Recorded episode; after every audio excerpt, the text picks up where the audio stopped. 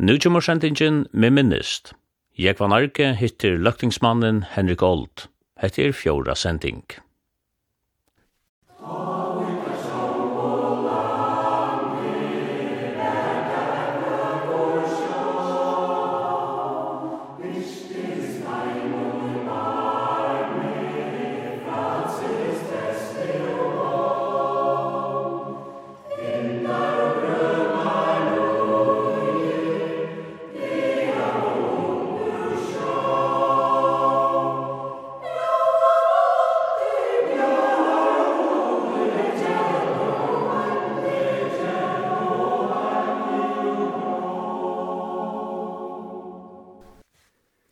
Du har vært ære leier i 1922. Ja, det var såleis når at Jakob Johansen har sagt til mamma om at med jeg går i kappen, at vi gjerne sier vi med at vi Agraborg var en kjansur som andre styrer med å ta. Nøyborg var kom.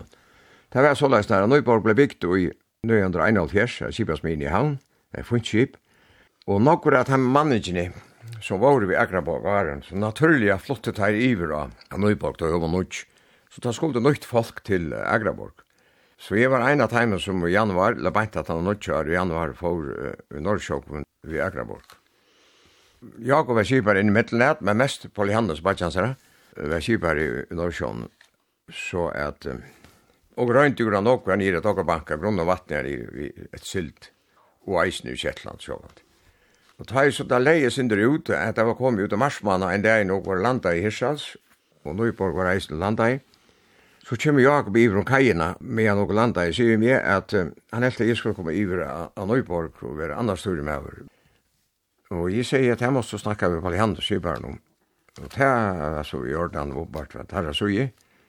Så jeg flott i rom at kajina var. at Det var um, nok spesielt. Det var som brukar hjelpe med det. Onke bær døgnene og onke bær oljekløyer og det skramble som man skulle hava vi. Og så var det her ferdig, så var jeg flott iver her, i rom av Nøyborg. Og her blei vi så i øyla nok var, enn jeg sier han har aldri luksort. Men ta fiskarui fyrir gekk øyla nok rundt om Kjettland, vestanfri og vestanfri, og ta var begynte spekli a få sindra makrell, fiskar sindra makrell. Makrell var såleis der han sett stette nok større krav til utkjeren. Men uh, i 2004 var uh, Nøyborg til Kipet som hei besta fiskeparten til bogen til Ola Breckmann, så skriver Oli Øyla neft om hvordan det var vi urtøkene til Ola Kipen. Kjolt og Nøyborg ikke hei det største sølna, så var det så mye færre menn at noen hei enn Øyla gav urtøk. Meint åren til, til alt jeg kan nevne eisen i at Agraborg hei tvei år fram og undan, selt for det første ferie i Kip, selt for 100 000 kroner. Det ble råkna for å være Øyla nok, til som det fiskar i det, en det er kanskje. Så nå går alt brøyt. Jeg får så i rom her hver mann at han var, men jeg var jo tjejetro som var i avløsare, for en som vi Agraborgen at hui, og ta fiska i grestan fyrir her av Sandøybankan mest og Sorøybankan. Agraborg var det første kipi som hei silda pumpi i heila tætje. Anki kipi fyrir var det, og anki no Íslandere hei funnet silda pumpi i Agraborg. Så det var framtekst i ordelig Det var en tur, jeg var ikke vidt, ta, ta seg der at uh, det fiska i Estland og Østerfra ur Islandi, at uh, Islandere var så interesseret over ui seg. Pump, hvor jeg vil akkurat på pumpa i, så sylte der så tett fram vi, jeg hitja hva det var for i omtur, og slapp anker fra virkelig at han til hoa.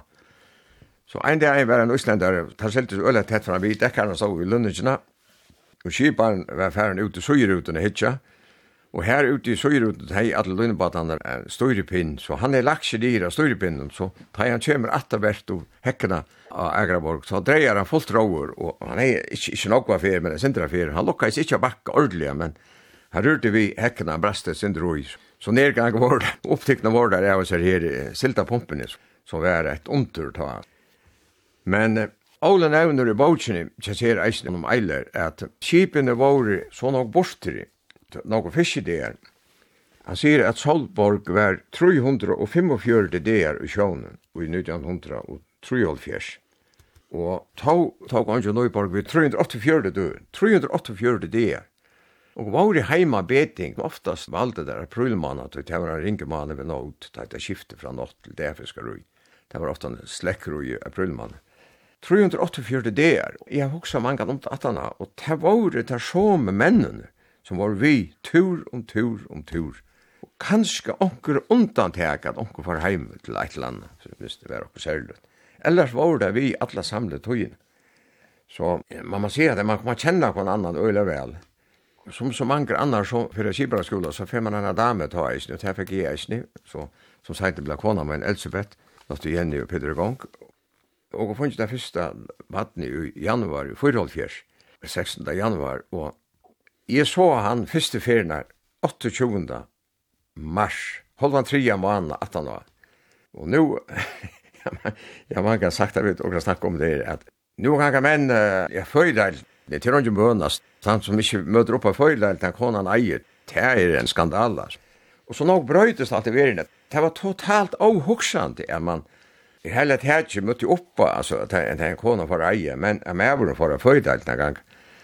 Så at uh, i det er det nærmest det motsatt av hoksan, man ikke møter opp. Så det var øyelig lagt i midten, og det uh, familieløy var som herre god veit, altså bøtten kom jo, og, og det var ikke alltid man sa selja nok til teien. Det man har vært tror jeg, og nægra fjørde der, det var ikke bare åk, men det var noen er reist. Det sier et syndrom, og fætlig stor innsatser å være sammen for å komme på rur i hele. Og han sier til Bogen i Ole at Nøyborg er det beste skipet i 72 i fyrrjum, vi er det beste i urtøkene. Nøyborg er fiskes ikke mer, men og våre færre menn, så funnet mer av vår jord. Så jeg var vi i Nøyborg til Arne på 2014, og jeg var vært skipet i en av stått periode, men så jeg var på Lihannes. Og Jan Gottfried var større med, så han løste han av, ta fyrre parten i 2014, til på Lihannes for landet. En av jeg var vi sommer i 4.5 halvdige, Da var jeg større med over sånn, og var vestan for kjettel, hundre sindre hestmarkrill. Så kommer han med over opp og sier at han rompa meg dit. Da var han begynt å si å skriva, og i kameran, så vi skrivemaskin, øyla nok, det er virkelig sindre spesielt. Og så sier han meg, sitt kors av Fuglafjør, og færa landa, nu færa i land, og jeg kom i omgang i vårat. Ikke nok, hva, hva, hva, hva, hva, hva, hva, hva, hva, hva, hva, hva, hva, hva, hva, hva, som teker mina tøy, hette ber ikkje til, til jeg fei samla tankene om flere ting sen. Og det var selvfølgelig retteis. Ta var han ferdig holdt vi at ledje opp fyrir jeg bytja, det første polarbøysene som kom i 45, da fyrir. Så ta for han land, og så ta var Pallianne Syberg bortre av. Så jeg slapp av røyna mi eisne, det er godt for flott i Ivra Kronborg, og så var jeg et hans som skulle tega vi, hvis det var. Så i 25 om hest i november måned. Så ble vi kjipar i første fyr. Det var spennende så fyllt ut. November var kanskje ikke den beste togene av årene. Men uh, det gikk ikke som det vel åren at det var ingen ivi om hvis det ikke i seg mer. Så var det ikke noe annet som er feil, så var det kjipar enn noen annen. Det var så enkelt å tog i temmet, man gjør seg pura. Greit. Og for jeg var i 1. november, som oftast at han har minnått, for jeg kom inn i kanten, vestanfri Kjettlandet og måtte skuiming eller måtte skuiming. Man fiskar jo makrel, ta var om om veteren, ta var om natten man fiskar makrel. Og ta jeg och starta astischen så ständ lightare faster så rikkar han ikkje.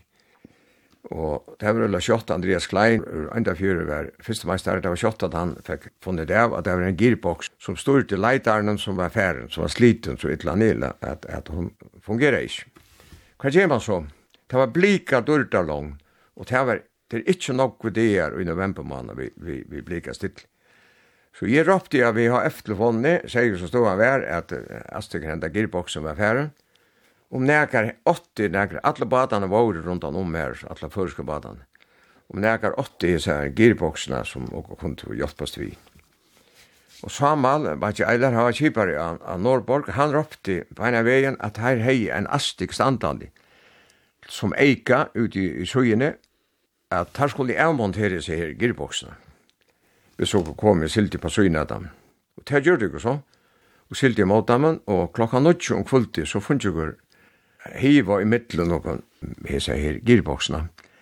Det er noen ting som standa øyla først. I minnes enda hvor mennene var av detjen av Norrborg, Eistein, Skalavik, Sørmævren, og Rollover i Nordibli var ein, og Gunnar Lydersen, og, og, og teir avlevera så og fungi hiva i seg voksne middelnog. Og Andreas montera igjen, og så klokkan tutsi så var vi klare a leita at. Og kasta i så klokkan halkan eit og nattna. Og det var en rimma kast fyrir jeg sier det som det var en beginningur av. Så og fungi fulla uh, last og fungi dekki, middeldekki, pumpa i middeldekki fullt. Og Agraborg kom så og, og, og pumpa i uh, på halvt kipin Tui verri får påsen til heltsimart, makrelen var så øyla tunker, og funnet jo beholva Agarborg, så for, for pumpan. Jeg atle akkurat ta at, en, at han hadde ikke sier at det var rujtjult etter til Leitskip at treet. Jeg atle akkurat der for råpa sier reia som var nere etten igjen, men tog betur sier jo ikke, så at, så og funnet jo på is, og klokkan fem om morgenen, ta avleverer jeg hese her gearboksen atter, og får på søgina Norrborg, og avleverer gearboksen atter, vi fotlen kipi og fotlen dekki. Og tar fortalte for meg at han at Samuel var så glir for det her. Han måste han ha vunnit alla vererna så var han ikke i at han har funnit hjelta en ny begynnare å komme i gang og få en, en, så god en begynning som, som vi var nå heldige vi. Yes. Så det var fantastisk. Så, sånne gjør det. Det er man ångat det lønt atter. Man, man, kan, man, man kan bare nevna det. Det var så begynningeren. Det var øyelig heldet som det kom til enda vi, vi ångat. Altså og seitni i novembermanna, ta var så silta, altså silten skulle landas til fyrrjen, det var en avgjør som oppart av rikjen landstørene. Altså, jeg lærte her hei virksom i Kotlafjøri, og så var Harenka i Gøti, og Sabakka fra Hans, Hans Bakka. Og landa i øli oftan, batan ikke eila landa i Kotlafjøri, men og landa i øli ofta til Harenka i Gøti, og onkudui til Hansa Bakka og fiska i så eina notten at det var godt vi og batene begynte jeg rinja heim med Torsan Radio og melda til. Så ta gjerne for å rinja, da var alle fabrikkene er fotlar. Annars større med han var han Lisberg Sumpa, han sier at han har gjort det vi vilje at jeg ikke ringte for, jeg vet ikke om det passer, ikke ringte for at han år for å være sikker i at, at, at, at jeg slapp i evet igjen, så, så, så kunne jeg slippe ny. Så jeg ringte til Gunnar Gunnarsson klant Holgan 1 om han var sjef fra Fiskjøpinnestovene, sier vi han så vær at og grei funnet 200 nøkker tons, at ønsken kunne ta mot. Det var en liten løte, så, så ringte han atter og sier og kunne fære nye ved lasten. Det var i året han fære nye. Og det gjorde jeg så, og, og funnet ikke fem kroner, godt og vel fem kroner for kilen. Nå ble det sin der reipen, men det var bare så løs der. Og, og selte for 1,1 million. Og det var første for en egen kjip, selt for 1 million. Men stått at han hadde så for Norrborg og Pomtea. Men vi huxar om i det, alltså att ena miljon, till ikke en turer, tur, kipen sykla in ända vi utna få der flera miljoner per tur så till ofætelig nok bröst. Men men det var så en en öliga god tur till häst. Och själv fjärs var gott att arka nu på väsen i hand att som Ole skriver boken jag ser så övrigt för 12,5 miljoner. Men urtögan var 300 000 eller här och där. Lutsen det mera än hinner tog var färre män i, i Norrborg og, og Krimborg. Jeg halte kan nevna eisne at i Tveifors, ta kom ongen es avtala, det var problemer vi, vi har sleppet fiska. Og snakka jeg så vi fiskene stoven om det, og om hun kanskje kunne fære i danskan sjokk og fisk. Det enda som vi tog jo fóru til, og merkjelen nok var øyla nok om makreler å få at her i, og i det danska parten av Norsjøen, det er ikke akkurat vært her, og ikke som hun rønt mest da.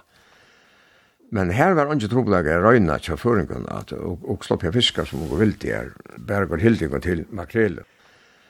Det var avtale med Norra, men, men tonsatale var så løyt i hei fra Norra, så at at han måtte touchast ut hvis så langt det var nægge få i danske sjokker som unge fiske av tog. Og her var Uisborg eisene, sammen var Uisborg her nere. Og ærebater, de som ærebatene eisene. Så jeg alltid kan nevne eisen at en en morgenen, og for ut og natten når han sang og landa i, og klant fem om morgenen så ble jeg på det ut, at her var heveren kastet her, og det var unna noe uikjående. Han råpte så at jeg var for noe ui, at de måtte også ville, uh, ville heva fisken, så leve av. Det leve nok snakk av. Så åker for så inn av og pumpa i, skipet ble ikke fullt, men åker pumpa i rett til jeg nok bort til jord låten ikke hever, det var ikke søgne av, og lov var en søgne av, så ville sånn ned, det var finnast av vi.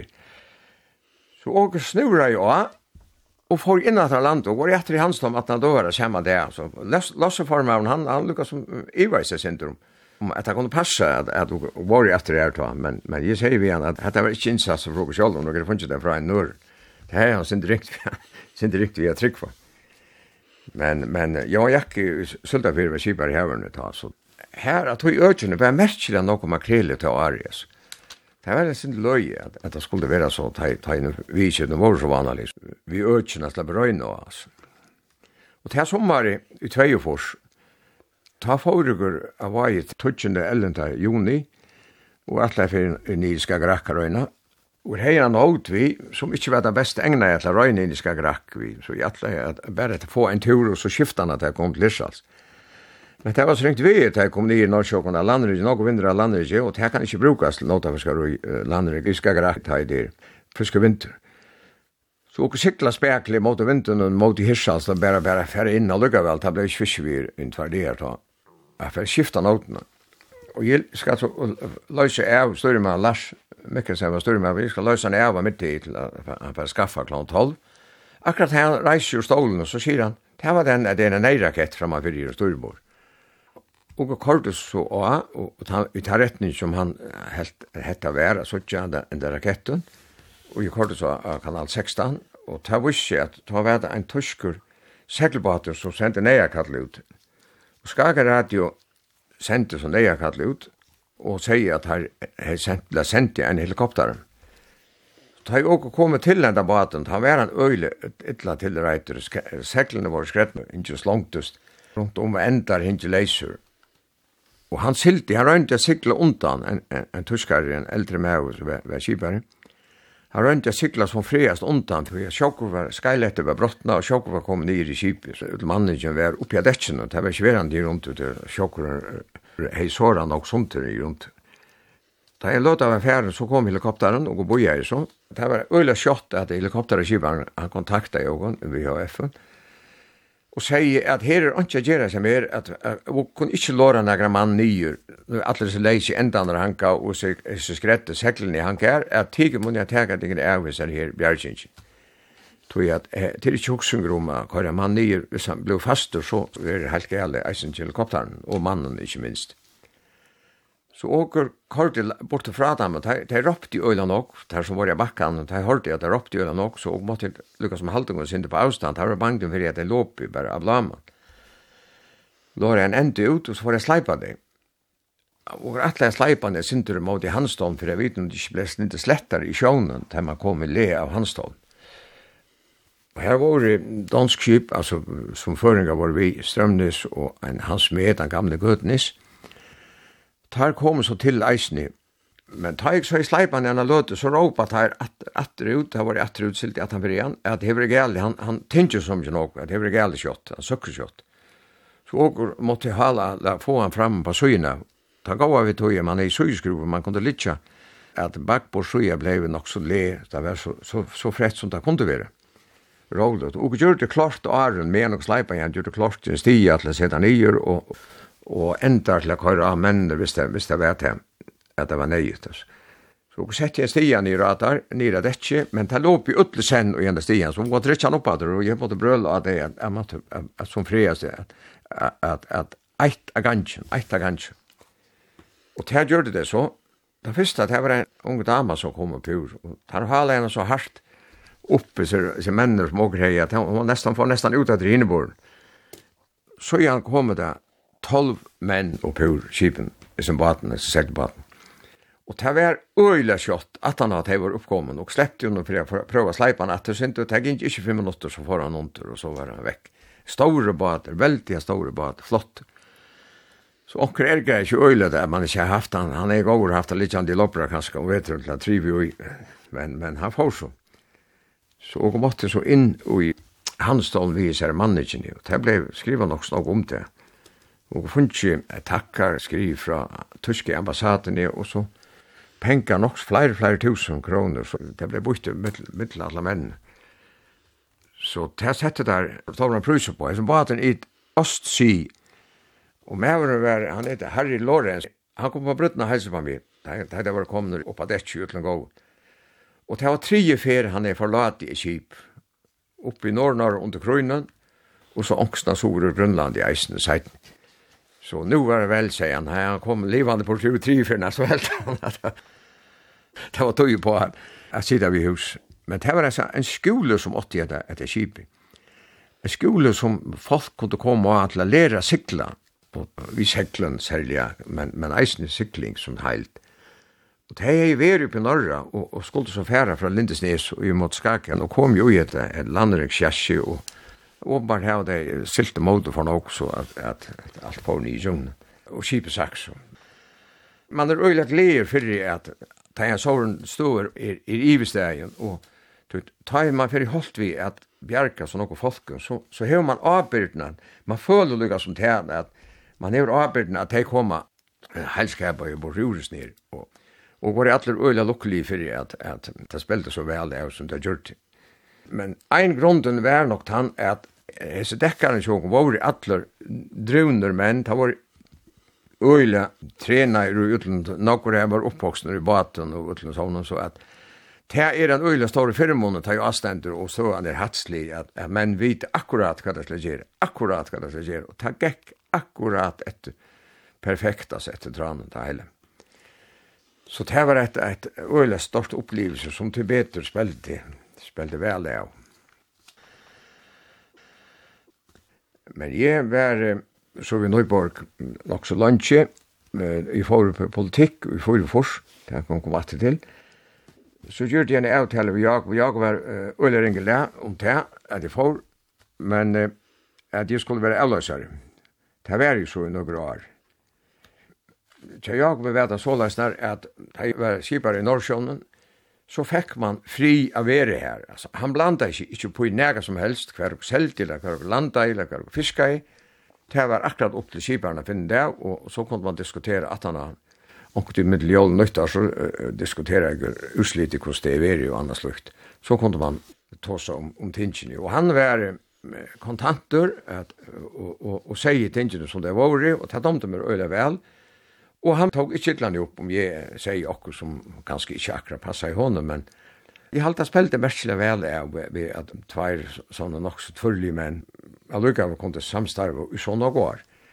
Og med, med dem det øyla vel, seiten kom så jeg sitte i tingene samme viden, og det var så eisne et øyla stort opplevelse uthøy. Men man ble stål over 100%. Jeg minnes det ene for å gå ensamhandler, for Vestrum det der ikke vi makreler nok, noe av det er, og vet du, Så folk sinde vestretter og kom seg fram i en makrelstim og funnet jo på i. Og ta ringte jeg meklar i over hans stål, og bjå egen tve kroner tog ikke for alle lastene. Han er hørt det, onker, onker bata vår gjerne, han er hørt det, og bare vi nye.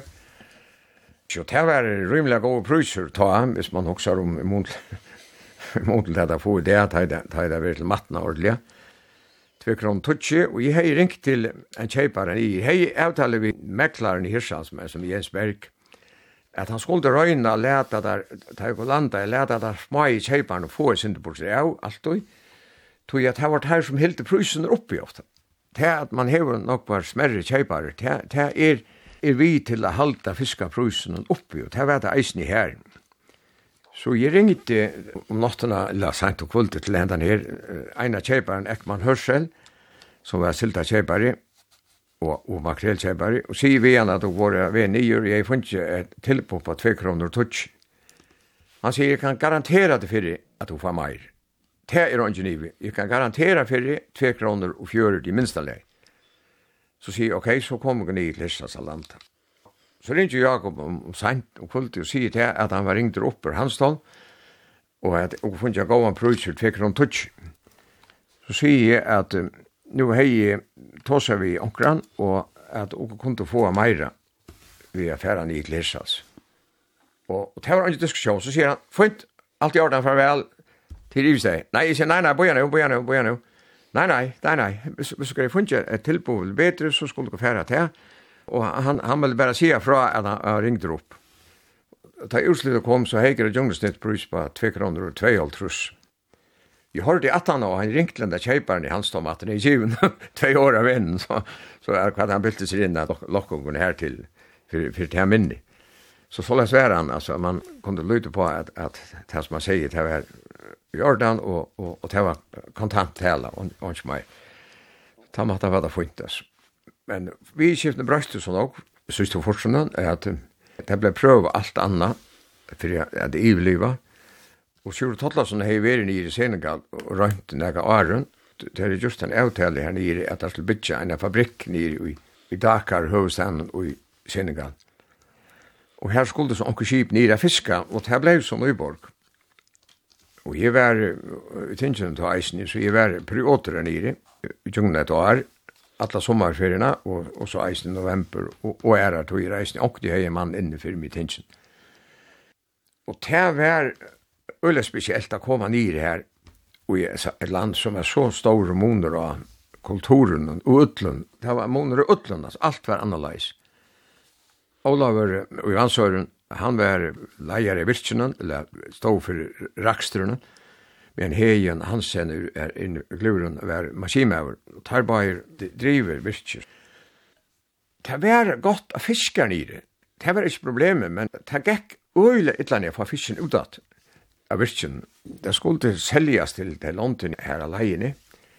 Men det gikk øyel annet at onkutu måtte gå stukka til første røyene var, var full av fiske. Og det resulterer jo i at det gav oss at jeg var ikke vidt her det sørste togene at jeg får nye rett kipen og sykla til heimatratt. Men det var en sånn siltasle som heter sardinella som lukna i øyne nok silt som man fiskar i. Og makrele var å få langere ut. Jeg halte sjálfur at, at det ble gjort for lydig vi har fiska ta makrelen, men det var så ordren fra virkjen at du skulle fiska seg siltene. Og vi har fiska seg siltene, så det fiska det lokale eisene. Så og kom vi okkur til røyne øyli innalje i middelen til lokale som var hei øyli vanalje batar. Det domte meg Ytland, det domte jo henne heile tæt i Ytland, i Ytland, som var vi i Og grillte ikke at dere hørte heima, lukka som inni i tøy flåtan, som tøy lokala flåtan, tøy at der hei så øyla ringar omstøver, er røyna at det måtte kan også greie vi tog luksus utgjør som også greies. Nå, enorme av fiska i eisen til fabrikkene. Vanligvis funnet jo 100 og 130 og 40 tons, det var det som da kom teka fra kvarin kipen. 100 og 30 og 40 tons om dagen. Fiska om dagen og, og landa om kvult.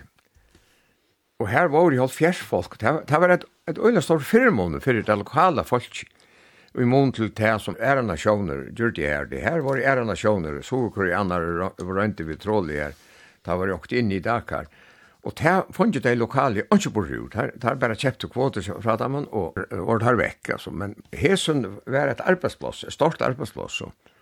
Ofta när de halvfjärs folk blev skift, vaktarskiftet, så, så stod en 30 och 40 ånder utanför ut till vågna få ett arbete og så til alle dagen her og boja i, så det var øyla spesielt.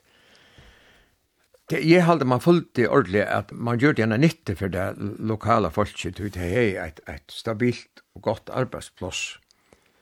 Det var et annet lov til å ta jo i siestan var, så var det stukker roi, og det gikk ikke akkurat på samme måte, men, men og hei åtta menn, lokala menn vi, utlefiskar roi, og akkurat bråta var bara fyra føringar, maskinmeister og stormenn og, og skipar.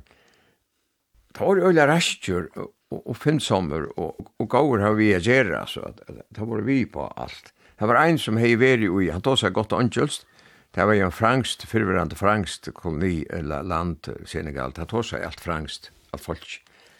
Men det var så ein som hei veri i, i, i, i parten av, av Gambia, av Gambia, som ligger midt inne i Senegal Og han tog seg godt angel, så han hei nok samband vi, det er også skulle ordnast. Og han kom så eisen i heim til fyrir vi, da kipet kom heim, og får en tur opp. Vi var på opp til Svalbard. det var sin Dramoni, han sier det var åltruskra Dramoni fra, fra Senkal. og opp til Frosti opp i Svalbard. Men han ivlite så, han fikk, han fikk en gåan tur som han var øyla glede fyrir. Altså. Det er lokale menn, Det var ikke jeg kjenne et, det var det eneste trobladet jeg hei, jeg kjente ikke ordentlig, jeg helt har lukna i alle meg, men men jeg var ute her, utanfor her, så kom vi ofte an i bater og nottene, sånne smaie bater, en mann og sånn, unge fyra vi, og, og spurte etter kose inn til Dakar. Og så fanns der okkur en, en pakka juice og okkur anna, hvor der øyla glei fyrir, det er heis for nokku, jeg vet. Men tyverri, at stoppa et her virksum vi opp, som jeg heldig var øyla ergrelutt, tror jeg at Det var jeg nere fra Veresbankan og hukte etter der i fortsatt part av det. Og bytner å komme og snakke vidt her. Her nevnte jeg at her er vi jo i forskjellige prosjekter. Hette var første ferie der jeg funnet fæter ut i fiske som der er bruk for. Det er ikke ikke så vel å få fæter i fisken, men nå er det så, og er så nærmere enn åker avreit, nå er det så funnet fæter ut i som der skulle de hava. Det var veldig ergelig at de ikke kunne fortsette, det er vært til, til valsignelse for det nok, vet Det man ser att i samband med Senegal så var det sender ärgligt att det inte kunde hålla fram. Du vet, det var en øyla stor firmån for det lokala folket, det hei et godt arbeidsplass, og i vaktaskiften så møtte de opp halvfjers folk, og det stod minst det samme åttanfor i boja etter å slippe fram et. Så det var et godt og stabilt arbeidsplass for lokala folk.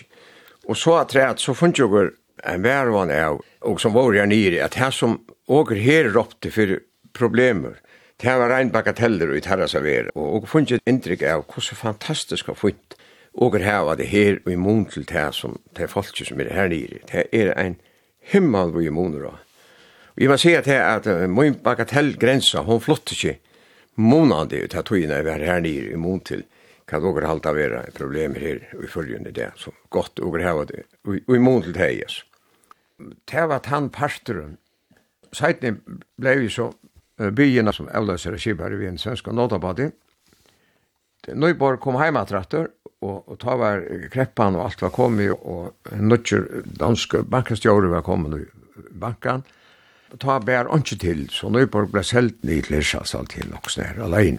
Det er jeg kjent, hvis vi sier der gamle sitter, så har jeg virkelig ikke stoppet så knapplig som det gjør til Nøyborg.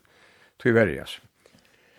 Men jeg var så i halv til 13, eller var det 14 sommer, vi en svensk nådabate som var øyla vel utkjørter og, og nødkjør og alt det der. Det var utrolig stått til det å slippe å fortsette å fiske med nåd. som vi damde vel. Nådafiskar er nekka som er så ofætlig spennende. Det skal ganga kjøtt fyrir ikke. Første greien når hun heier var astegane våre på pyra astegar, så at det var ikke nevnt å halda en makrelstim i lunsje hvis du ikke var klarer. Så det skulle ganga helt øyla kjøtt, fra at du ser en stim og til du får kasta etter noe slangt den inne. Det dreier ikke bare om nagra få av notter, så skal det være ørna illa, kan man råkna vi at ikke kjemper rur. Så jeg halte at nautafiskar er neka av det mest spennande som neka kan være vidt til, altså. Og ikke minst i Norrsjånen hver og i det øyla stauran part av togjen er øyla godt veir av røyna. Du vil røynt i øyla nok hva det er. Jeg minnes det at en morgen og skilde inn til Hirsal, så lortet jeg alltid vedbretten sjåvanlig, så kort jeg sin åren av danskaren, så var et prat vi en mann, en fiskemann som hei veri utdrag med over vi sånne større dekksbaten, i Skaken, og i Holtrussoar, og i Tui Vikene, som han ble inte jo over. Hei han veri her i Holtrussoar, og, og silt ut fra Skaken og Vestru, Skagrak og Norrsjå. Og han sier at han myntust da gåa fram om alt annat og i heilig. Det er nok og ringe turar, og vi skal grakk var ofta i ivrysing og vetru ta, at ofta han stod og a koma til landsatt. Men det som han myntust best av utlun, det var han måtnaner han stod i storisruten, og solen kom opp, og det var blika lång, og atlan det eion, og kunne fiska og blika stidlig, og solen stod høgt av himmelen så sier han at fram om alt annet, så tar jeg sovn for nyra etter en kvulti, sier åtta tunne kvulti, og er noe for under så vendi han seg mot solen, tar hikvene av, og takka i gode for jeg gåan. Det, det var nekka av tog som stod klarast i søgne minni av utlund bare i ringen og gåan, men fram om alt, å oppleva sånne der, og det kan man bare oppleva ute av heaven, sånne fantastiska der. Jeg helt avvisen svenskarnen i 13 sommer, Det var god uttøkka, og det damte bra veldig vel. Han er som åtte bataner, han eier flere batar i det, han eier okra batar i Skaken eisne. Og Jan var mann i år, var en av baten som heter Astrid, at fører jo avreite makrel tvereisnar og Jan var mann. Det var jo øyla vel til fres vi uh, kom land til her, og tar uh, fabrikken at fører var glede for det. Han var øyla god kvalitet han er tjej for svar, og han er stadigvæk, snakker vi nu en dag, han er stadigvæk ute i omkran tur, og han dreier hommara ruser så godt som kunde. Han gikk helt og høyre nok opp i kvalitetas. Og han ringte kjeiparne opp, at han og grei landa. Ringte han kjeiparne opp og spyrja om det var til fres i kvaliteten, og hvis det ikke var til fres i et eller annet, så ringte han opp at det sier det og det og det. Det her kom det være sin debet. Det hadde om det var øyla vel at jeg var her til honom. Du, han kjente fiskarui fra Batnia, og jeg halde det var nok så stottelig, man hever i sin imiskar oppfattande av tingene, men Så einer forteller han at nu har han kjøpt en nødjan glasvivebad, en selfa norskan bad, og som baden sylte 22 mil, ta var han tru forsvar alltid. Så sier jeg at, er det nøyut at sykla tjei 22 mil til man tru forsvar? Ja, om jeg ikke forstod det. Så nei, det har vi sin drinkt vi. ja, ta jeg over 16-18 januar, ta sylte 4-5 mil, 6 mil besta lei, jeg ommer ikke at tog jeg sykla, ommer ikke at tog Nu er i troi forsvar, nu er avmarka etter av tog a sikla, og tog vil da neget a sikla vi tjei som mul. Så ime ser man på tingen i. Men, men fantastisk arei og agroitni, og stadigvæk er han i drift tjei forsvar av gammal. Hvordan er det vi tar, kommer to av flott langer? Eh, til langt i middelen, tog veri. Jeg heit opplevelse at jeg stilla ikke oppa at for 2008 og januar manna, Så helt igjen, nå skulle jeg fære fiskat at det var seneste chanser for jeg kunne gjøre, bruke bare den papyren man har og løyven og alt det der.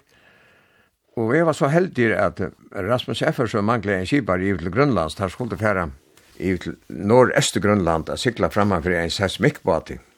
Jeg ble så spurt om hva vi er, og jeg sier ja, bare veien, du er ofte den yngste med å slippe lagt norr av Østersjøen, til å komme en omgatt under fiskaruinen. Så og får i iver her, Og i Rettjavøy kom så i saman vi i baten som skulle sykla framan fyrir. Og skulle sykla framan fyrir hon. Han er enda kapelen, det var så øyla døyre utkir. Og skulle sykla framan fyrir hon så at han ikke kom fast i uis. Og sier fra hvis uiser var for tettur, så at han funnet drei av og arun. Og og får i heilt norr om Danmarkshavn. Det var en fantastisk spennande tur. Norr om Danmarkshavn. Det er så norrallega som nega menneska liver her.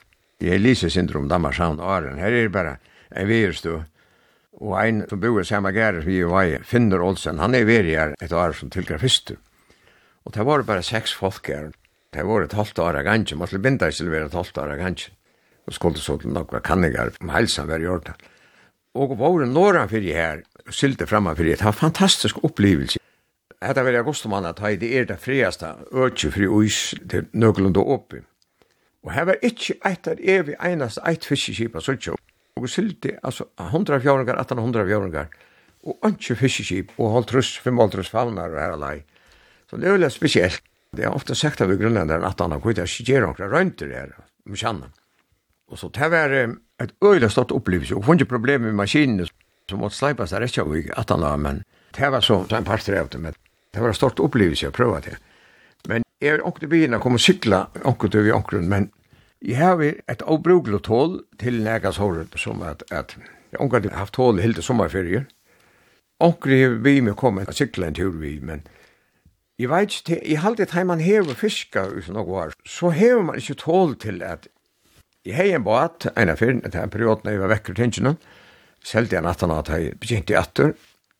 Det er helt i vera fyrt, ta var jeg norrjavn og sånne, ta helt i vera fantastisk stortlut. Men bare sykla fra en steg til et annet, her vi til være ikke syke til. Jeg vet ikke hva det er, det er nok det at spenningen er ikke den samme, Du, fyrra steg av hvor råkna vi å få Men ta i vera nåra, men det var veldig stått til å prøve til. Og jeg må si at det er at den første dagen jeg var ute, det var en ikke velvalgte døy, det var høy etter nåra og jeg fikk sjåverk. At han har vært fisket sånn og år, så fikk jeg sjåverk. Og da var han vanlig, ta i veist jo om det var så gærlig at jeg skulle fære land til. Og ikke bestemmer meg så at han der i, men han uttaper vær. At hvis det kom til det at jeg får land til på grunn av sjåverk, så skulle jeg selge båten beina veien, vi skulle ångan til uttater av flåt, ångan til. Så det helt jeg, altså, ta at man har vært sloppet fra sjåverk, men jeg treska meg så djungen henne der og kunne så halda fram, det var i Norge, som var øyelig stått til alt. Men nå kjem da løydeborur vi a fiska, for det fyrste har vi omgang båt, og i ørenleie så.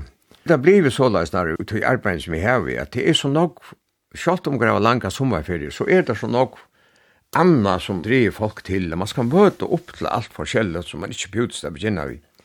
Framløver av utlesleie, og til så moderna nu blir vi alt, så at tar man jo fiska nok, så langt som man atter å sleppa til det. Men ta i væri tinganisse til tre årene, så veldig jeg vi i papuren sammen, sibara papuren, i måte for alla rettjen om atratte. Og jeg held at senast i fyrir var til, til trygdaskait, ta held jeg at det gikk så tungt å komme i jungene det. Jeg trygg ikke jeg har klarat eina for tret, altså det er har vinda gombaten rundt og, og sånne, så at jeg held at dette må være til at det kommer a flota hevn, men vi kan sige til at slutta tannparten av, at det var fantastisk lov a liva, Og jeg halte det er ertelet at unge menn ikke slipper prøve at fiska. Jeg slipper at fiska roi meira enn en det gjør han jo. Altså, få i møvlegger er ut til kipen er så få. Så sammenlagt det er fantastisk lov at kunne jeg fiska og være bortre. Selv om man er vært vekk fra familie og bøttene og all for langt og ikke kilo i okto, men til som pryser hun for det så lov. Amen.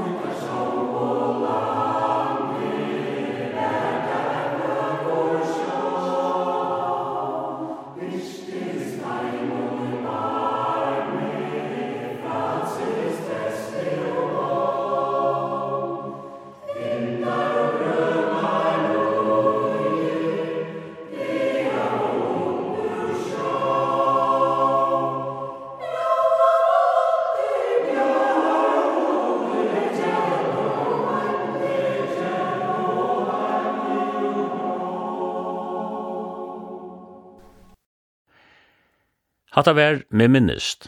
Jeg var narki hitte løktingsmannen Henrik Gold. Hatta vær fjóra sending.